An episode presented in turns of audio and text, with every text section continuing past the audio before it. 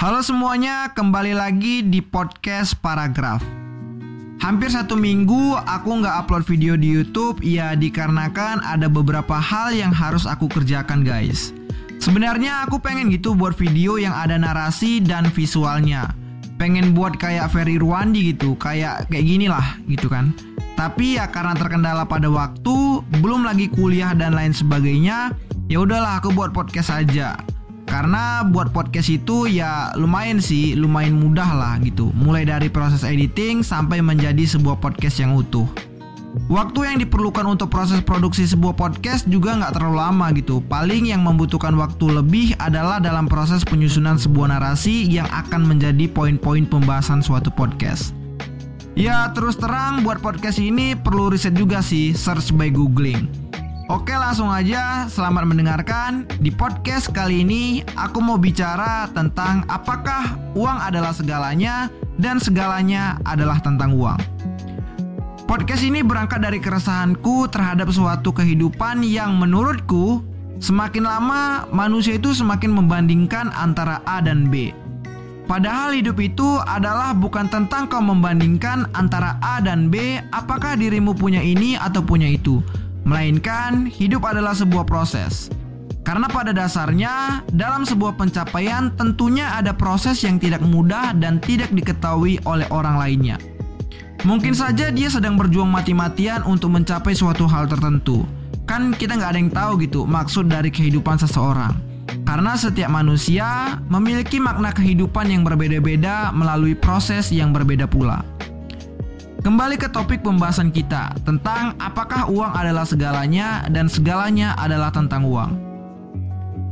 Sebelum masuk ke sana, aku bertanya pada diriku sendiri. Sebenarnya dalam hidup ini, kira-kira hal apa saja yang membuat diriku masuk ke dalam dimensi suatu kebahagiaan? Apakah saat nanti aku menerima gaji pertamaku ketika aku sudah bekerja atau apakah nanti ketika aku liburan bareng teman atau keluarga entah ke mana gitu Atau apakah nanti aku bisa jalan petualang ke mana saja yang membuat aku bahagia? Tentunya setiap orang memiliki porsi kebahagiaan masing-masing dan nampaknya semua berkaitan dengan uang. Tapi pernah nggak sih kalian mendengar statement yang menyatakan bahwa uang tidak dapat membeli sebuah kebahagiaan? Yang artinya uang bukanlah segalanya dan segalanya adalah bukan tentang uang. Everything is not about money and money is not everything. Karena pada dasarnya percuma kita memiliki banyak uang namun ujung-ujungnya tidak membuat diri sendiri menjadi bahagia. Malah terkadang kita memiliki banyak uang ya jatuh-jatuhnya hanya pamer harta sana sini bukan memberi dan mengasihi. Tapi sebenarnya apakah benar Manusia dapat dikatakan hidup bahagia jika sudah memiliki uang yang lebih atau justru sebaliknya. Apakah benar manusia tidak dapat bahagia jika belum memiliki uang yang lebih? Kalian berada di posisi yang mana gitu? Apakah bahagia jika sudah punya uang atau kalian bahagia dalam kondisi apa pun juga tanpa memandang uang semata? Dalam artian ya kalian bahagia dengan semua kondisi gitu. Dalam hidup wajar sekali apabila kita selalu mencari kebahagiaan karena pada dasarnya dengan kebahagiaan hidup akan terasa lebih berwarna dan bermakna. Dan untuk mencapai kebahagiaan, setiap orang pasti memiliki tolak ukur dan standarnya masing-masing serta akan terus dikejar untuk mencapai suatu kebahagiaan tersebut. Ada yang menganggap dirinya sudah bahagia jika memiliki tabungan di atas 10 miliar. Eh, tapi kayaknya kebanyakan lah. Gini aja ulang. Ada yang menganggap bahwa dirinya sudah bahagia jika memiliki tabungan yang cukup untuk membeli suatu hal yang ingin dicapainya, gitu ya. Tapi ada juga yang merasa bahwa kebahagiaannya akan tercapai bukan hanya sekedar tabungannya sudah tercapai atau belum, melainkan dia bahagia jika jalan bersama pacarnya atau bahkan dengan anak istri jika dia sudah menikah nantinya. Meski tidak punya uang, ada yang menyimpulkan mereka tetap bahagia akan hal tersebut. Kembali di awal, bahwa seperti yang aku katakan tadi, porsi kebahagiaan setiap orang itu pasti berbeda-beda. Tapi sekarang aku mau bicara tentang gimana sih menemukan kebahagiaan dari sudut pandang dalam menggunakan uang. Secara realistisnya, kelihatannya kita akan sangat bahagia jika kita memiliki banyak uang. Dikarenakan kita dapat membeli apa saja yang kita inginkan dan pergi ke mana saja tanpa harus memikirkan berapa banyak biaya yang akan keluar nantinya. Salah satu penelitian dari Bestie Stevenson and Justin Wolfers dari University of Michigan yang menganalisa hubungan antar kebahagiaan dan pendapatan masyarakat di Amerika Serikat, mulai dari penghasilan 10.000 US dollar hingga lebih dari 500.000 US dollar per tahunnya. Bagaimana hasil analisanya? Jadi gini, Berdasarkan literasi yang saya baca terhadap penelitian tersebut, search by googling, rupanya hanya 35% dari mereka yang menjawab sangat bahagia dengan hidupnya jika memiliki penghasilan kurang dari 10.000 US dollar per tahun. 55% dari mereka menjawab sangat bahagia dengan hidupnya jika memiliki penghasilan 50.000 sampai 75.000 per tahun. Dan terakhir, 100% dari mereka menjawab sangat teramat bahagia dengan hidupnya apabila memiliki penghasilan lebih dari 500 ribu US dollar per tahun. Dari analisa ini dapat kita simpulkan bahwa ya uang dapat membeli kebahagiaan gitu. Karena secara generalnya Semakin tinggi pendapatan mereka dalam tanda kutip warga Amerika Serikat, maka akan semakin teramat bahagia pula seseorang akan hidupnya. Gitu kan?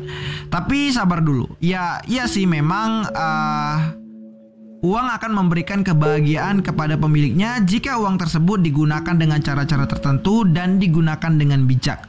Bukan semata-mata huru hara, pamer harta sana sini bahwa kita adalah orang yang paling banyak memiliki uang di muka bumi ini guys. Dalam buku Happy Money yang ditulis oleh Elizabeth Dance, seorang profesor psikologi di University of British Columbia. Beliau memaparkan dalam bukunya sebenarnya ada beberapa cara yang dapat dilakukan seseorang agar uang yang dimilikinya dapat membeli sebuah kebahagiaan.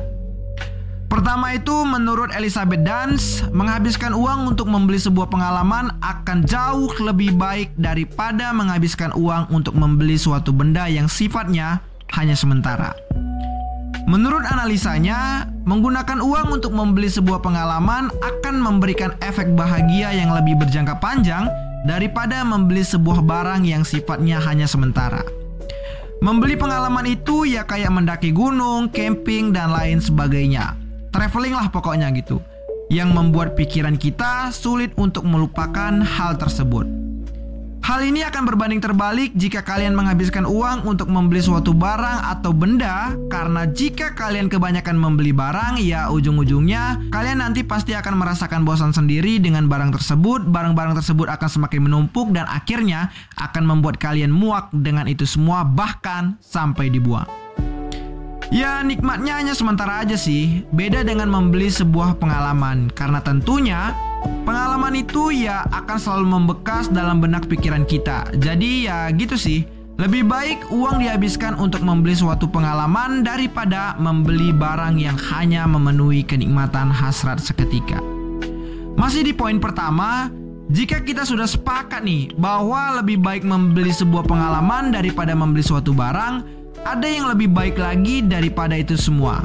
Apakah itu? Iya, jika kalian memiliki uang lebih banyak, banyak-banyaklah memberi kepada orang lain yang membutuhkan karena pada dasarnya, karena pada hakikatnya, tanpa kita sadari, hal positif seperti ini akan benar-benar memberi efek jangka panjang kepada kondisi kebahagiaan kita.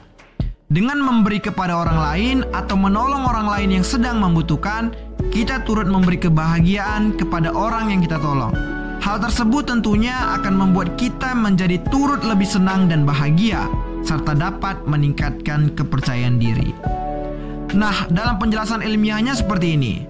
Saat melakukan hal yang menyenangkan, ada zat kimia di otak yang aktif yang bernama endorfin. Secara psikologis, perilaku baik seperti menolong orang lain adalah stimulus produksi dari sebuah endorfin. Ketika seseorang menolong orang lain yang sedang membutuhkan, tentu akan muncul rasa bahagia karena merasa hal yang dilakukannya sangat bermanfaat bagi orang tersebut. Dengan demikian, keinginan untuk melakukan hal yang sama kepada orang lain dalam tanda kutip positif akan meningkat dan tentunya membuat hidup menjadi lebih bermakna. Langkah yang kedua menurut Elizabeth Dance adalah setelah kita mengetahui bahwasannya lebih baik menghabiskan uang untuk membeli suatu pengalaman dan menolong orang daripada menghabiskan uang untuk membeli suatu barang, yang dapat kita lakukan selanjutnya adalah membeli sebuah waktu. Apa artinya? Ya, waktu adalah uang, tapi sebenarnya waktu akan jauh lebih berharga daripada kebermanfaatan uang itu sendiri. Sebagai contoh nih, aku ilustrasikannya gini. Kalian bekerja pada sebuah kantor yang berada di pusat kota keramaian. Tapi anehnya, kalian tuh membeli rumah di pinggiran kota dengan alasan mau menjauh dari keramaian. Akibatnya, kalian menempuh perjalanan berjam-jam hanya untuk pulang pergi saja dari rumah ke kantor dan setibanya di rumah, kalian sudah lelah dan langsung tertidur. Ya pasti gitulah ya kan, capek ngantor, pulang-pulang pasti badan pegal dan lain sebagainya. Padahal waktu yang digunakan untuk perjalanan itu dapat digunakan untuk berkumpul bersama keluarga lah atau hal-hal yang lainnya yang dapat kalian lakukan sehingga waktu kalian dapat termanfaatkan dengan baik. Itulah maksudnya mengapa waktu dapat dibeli. Jika uang tadi yang kalian miliki digunakan untuk membeli rumah atau apartemen di pusat kota yang dekat dengan tempat kerja kalian, bisa jadi waktu kalian dapat termanfaatkan dengan baik dan tentunya tidak terbuang sia-sia. Itulah maksud dari Elizabeth Dance tentang uang membeli kebahagiaan. Sebenarnya masih banyak lagi hal-hal yang dapat kalian lakukan untuk menjawab sebuah pertanyaan tentang dapatkah uang membeli suatu kebahagiaan. Namun di podcast kali ini ya cukup demikianlah beberapa faktor yang menjawab apakah uang dapat membeli suatu kebahagiaan. Sebagai penutup, uh, aku mengutip pernyataan dari Gretchen Rubin, seorang pakar kebahagiaan. Beliau mengatakan demikian. Uang adalah semacam pengukur kesehatan di mana jumlahnya yang sangat besar bisa mempengaruhi kita dalam banyak hal, terutama mengarah ke hal negatif. Ketika jumlahnya cukup, uang mampu meningkatkan kebahagiaan. Ya jadi gitu aja lah guys podcast kita uh, malam hari ini ya aku buatnya malam hari. Baik terima kasih ini paragraf sampai jumpa guys di podcast selanjutnya. Thank you guys.